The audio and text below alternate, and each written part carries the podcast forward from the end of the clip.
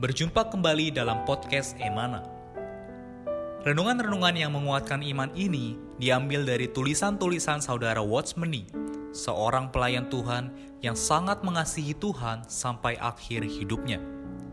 Semasa hidupnya, Tuhan memakai saudara Watchmeni untuk menyingkapkan banyak terang dan wahyu Alkitab. Di antaranya adalah mengenai salib, mengenai Kristus sebagai hayat, juga mengenai kesatuan tubuh Kristus. Kami berharap kehadiran podcast Renungan Emana, khususnya di masa pandemi virus hari ini, dapat menghibur dan menguatkan iman Anda. Podcast Renungan Emana dapat Anda dengarkan melalui aplikasi Emana dan Spotify. Anda dapat menghubungi kami pada nomor hotline Emana di 0851 5677 2397. Sekali lagi Anda dapat menghubungi kami pada nomor hotline Emana di 0851 5677 2397. Buku-buku saudara Watchmeni secara lengkap dapat Anda peroleh di toko buku Yasmerin, Tokopedia, Google Playbook, atau di website resmi yasmerin.com. Selamat menikmati seri renungan hari ini. Salam damai sejahtera, saudara-saudari sekalian, saudara-saudari pendengar podcast Emana. Syukur kepada Tuhan, kita bisa kembali lagi membahas renungan firman Tuhan hari ini.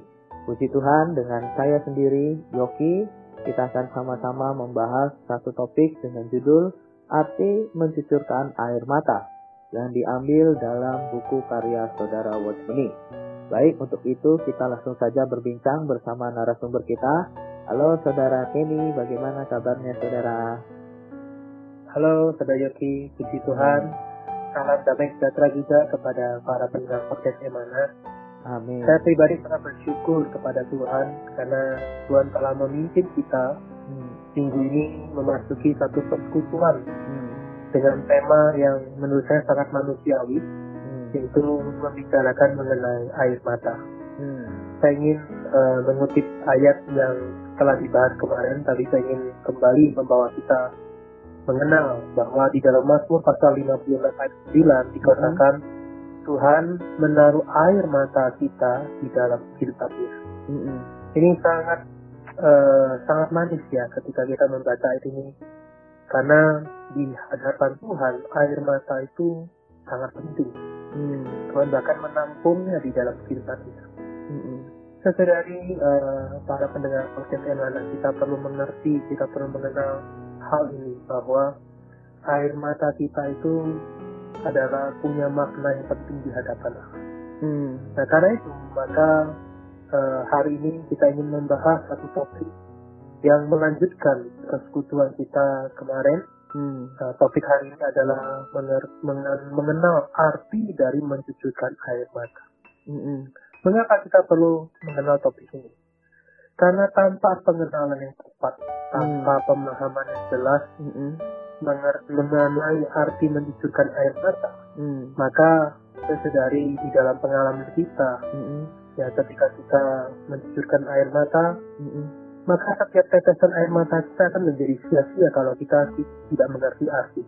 Mm-hmm. Itulah sebabnya, maka saya mendorong, saya mengajak kita semua, mm-hmm. mari kita membuka hati kita, kita ada doa singkat di dalam hati kita, kita berkata Tuhan, bawalah kami Tuhan untuk melihat, mm, mengenal, memahami dengan jelas apa makna rohani, mm-hmm. apa makna yang tepat, apa nilai dari mencucurkan air mata sebagai kaum beriman di hadapan Allah. Mm. Puji Tuhan, uh, saya merasa ini bisa menjadi satu perkataan pendahuluan yang membawa kita hmm. untuk melihat betapa pentingnya topik persekutuan kita hari ini. Hmm. Amin. Amin. Puji Tuhan. Terima kasih saudara Kenny. Di sini juga dikatakan kadang-kadang orang mencucurkan air mata karena kegirangan yang luar biasa. Tetapi pada umumnya orang mencucurkan air mata karena berduka mengalami tekanan yang sangat berat. Dengan kata lain, karena di dalam ada hal yang mendukakan, membuat kesal, hati mendapatkan tekanan yang terlampau berat dan yang sulit diterima, maka air mata pun mencucur. Tetapi justru di sinilah terjadi satu peristiwa yang mengherankan, yakni pada saat air mata Anda mengalir keluar, batin Anda yang tadinya terasa berat ini tiba-tiba terasa lebih ringan. Yang tadinya amat tegang, kini menjadi agak reda atau bahkan menjadi lega. Jadi di sini kita dapat nampak bahwa mencucurkan air mata itu ada artinya.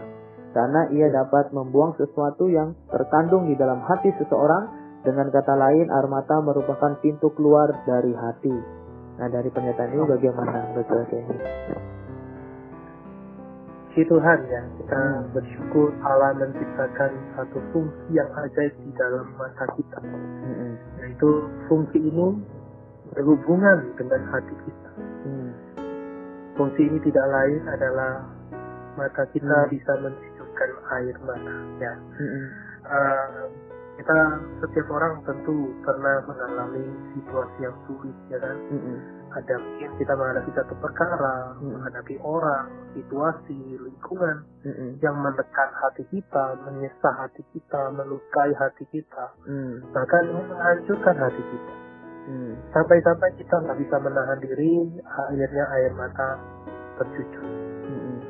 nah, namun ajaib ya setiap kali air mata tercucur setiap kali kita meneteskan air mata yang terjadi adalah hati kita menjadi lega hati kita menjadi yang awalnya berbeban berat sekarang lebih ringan dikit mm. nah ini menunjukkan bahwa air mata yang keluar itu sangat berkaitan dengan luapan hati kita mm.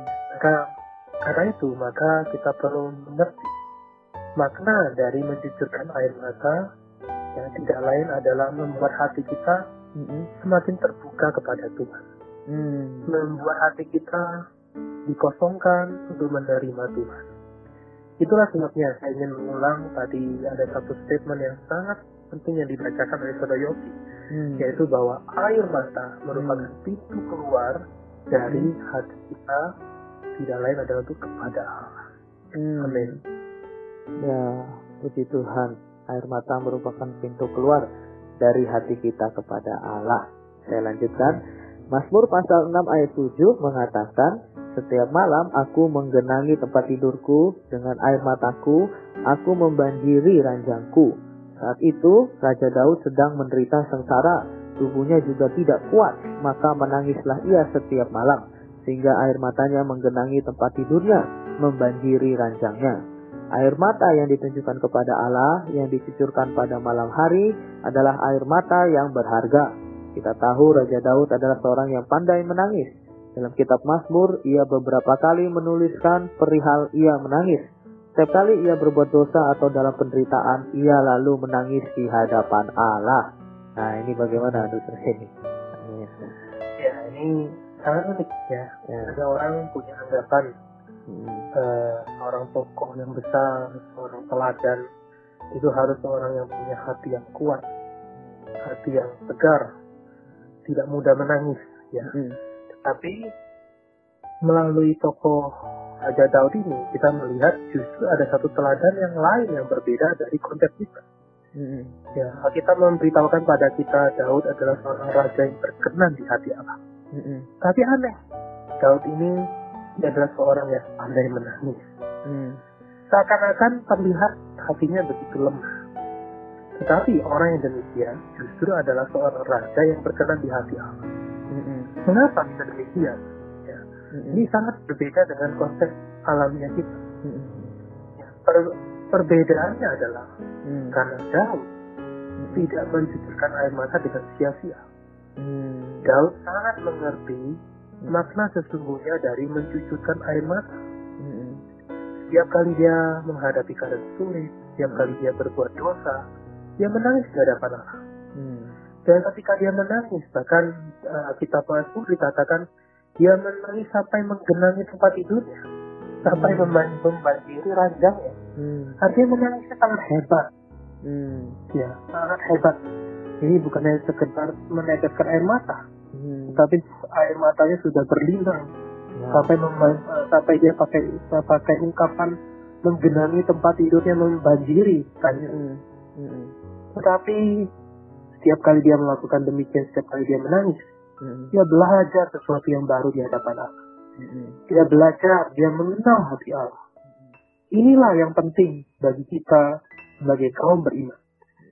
Oh, kita perlu memastikan bahwa di dalam pengalaman kita, setiap kali kita menyusurkan air mata, kita harus belajar satu hal yang baru. Kita harus makin mengenal Tuhan. Kita harus makin dekat kepada Tuhan. Puji Tuhan. Puji Tuhan. Ya Daud tidak mencucurkan air mata dengan sia-sia. Ini ya bedanya ya.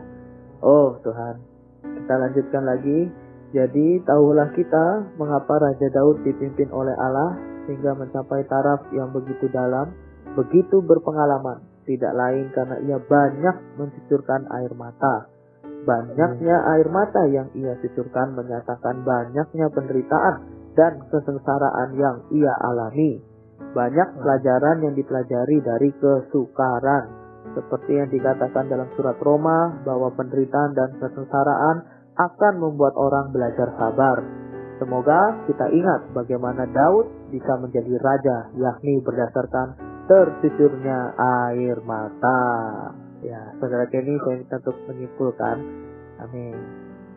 Ya, uh, kita semoga kita bisa belajar hmm. teladan Daud ya. Hmm. Tetapi saya juga uh, ingin menyimpulkan uh, persekutuan kita dengan hmm. satu ayat yang memang belakangan ini menjadi diskusi antara hmm. saya dengan istri saya. Ya. Hmm. Ayat ini diambil dari 2 Korintus pasal 4 ayat 16. Hmm. Ayat ini berkata, sebab itu kami tidak tawar hati, mm-hmm. tetapi meskipun manusia lahirnya kami semakin merosot, mm-hmm. namun ba- manusia batinnya kami dibaharui dari sehari ke sehari. Mm-hmm. Saya yakin uh, banyak orang Kristen juga uh, mengenal ayat ini. Banyak orang Kristen memakai ayat ini menceritakan bahwa manusia yang semakin merosot ini mengacu kepada manusia yang semakin hari semakin lemah, semakin tua. Hmm. Tetapi ketika saya berdiskusi, saya merenungkan bersama istri saya, saya menemukan hmm. ternyata secara kontekstual tidaklah demikian. Hmm. Karena di dalam 2 Korintus pasal 4 ini, hmm. Rasul Paulus sebelumnya menceritakan hmm. pengalaman penderitaan yang dihadapi. Hmm. Paulus berkata dia ditindas namun tidak terjepit. Dia habis akal namun tidak putus asa. Dia dianiaya namun tidak ditinggalkan sendirian. Hmm. Dia dihempaskan namun tidak binasa. Amin. Ini pengalaman yang sangat unik, sangat ya pengalaman yang penderitaan yang luar biasa yang Paulus alami. Dan saya yakin ya Paulus uh, juga adalah orang yang mencucurkan air mata di hadapan Allah. Hmm. Bagaimana dia mengalami kesulitan dipindah, dengan hmm. sampai habis akal. Hmm. Artinya kan dia sudah tidak tahu, tidak tahu jalan keluar. Hmm. Ya. Saya kalau jadi kalau Paulus saya pasti akan mencucurkan air mata. Hmm. Tetapi dalam pengalaman ini akhirnya Paulus menyimpulkan dia berkata meskipun manusia lahirnya kami semakin merosot ya. namun manusia batinnya kami dibaharui dari sehari ke sehari Saudari yang terkasih, inilah makna penting dari hmm. menunjukkan air mata. Amin. Ketika kita menghadapi keadaan yang menderita, keadaan yang sulit, hmm. menekan kita. Hmm.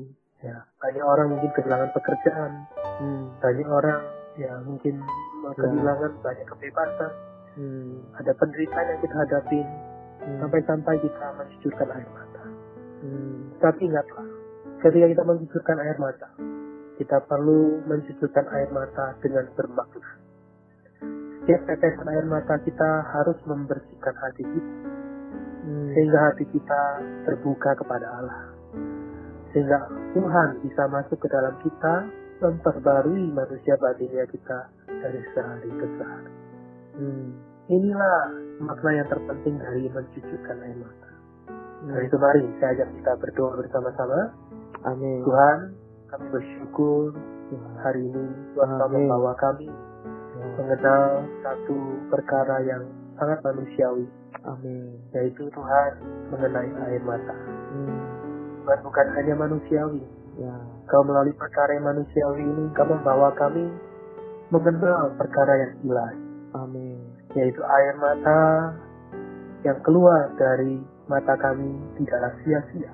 Amin. Karena setiap kali penderitaan, setiap kali tekanan, setiap kali hal kebuntuan yang kami hadapi Amin. membuat kami harus mencucurkan air mata hmm. justru adalah awal hati kami dibersihkan di hadapan Amin sehingga hati kami bisa terbuka Kami bisa mengalami Tuhan, hmm. Engkau membawa kami semakin dekat dengan diri. Amin. Kau bahkan memperbarui kami dari sehari ke sehari. Amin. Tuhan, kami bersyukur atas kebenaran firman Tuhan ini. Hmm. Bawalah kami belajar Tuhan. Hmm. Kami tidak mau setiap tetesan air mata kami sia-sia. Amin. Kami mau setiap tetesan air mata adalah setiap pembelajaran yang baru di hadapan. Amin. Sehingga suatu hari kami bisa seperti Raja Daud. Hmm. Kami bisa menjadi orang yang berkenan di hadapanmu. Amin. Tuhan kami juga berdoa, kiranya Engkau menjaga, memberkati, Hmm. melindungi, dan memimpin setiap para pendengar podcast Emana. Jadikan kami Tuhan menjadi orang-orang yang berkenan di hadapan. Ya. Kami berdoa, serahkan di dalam nama Tuhan Yesus, Kaulah Gembala kami. Amin. Terima kasih Tuhan. Terima kasih Tuhan. Amin. Terima kasih saudara Kenny. Tuhan Yesus memberkati. Amin. Amin. Sekian podcast Renungan Emana hari ini. Kami akan kembali pada seri berikutnya. Anugerah dari Tuhan Yesus Kristus dan kasih Allah dan persekutuan Roh Kudus menyertai kita semua.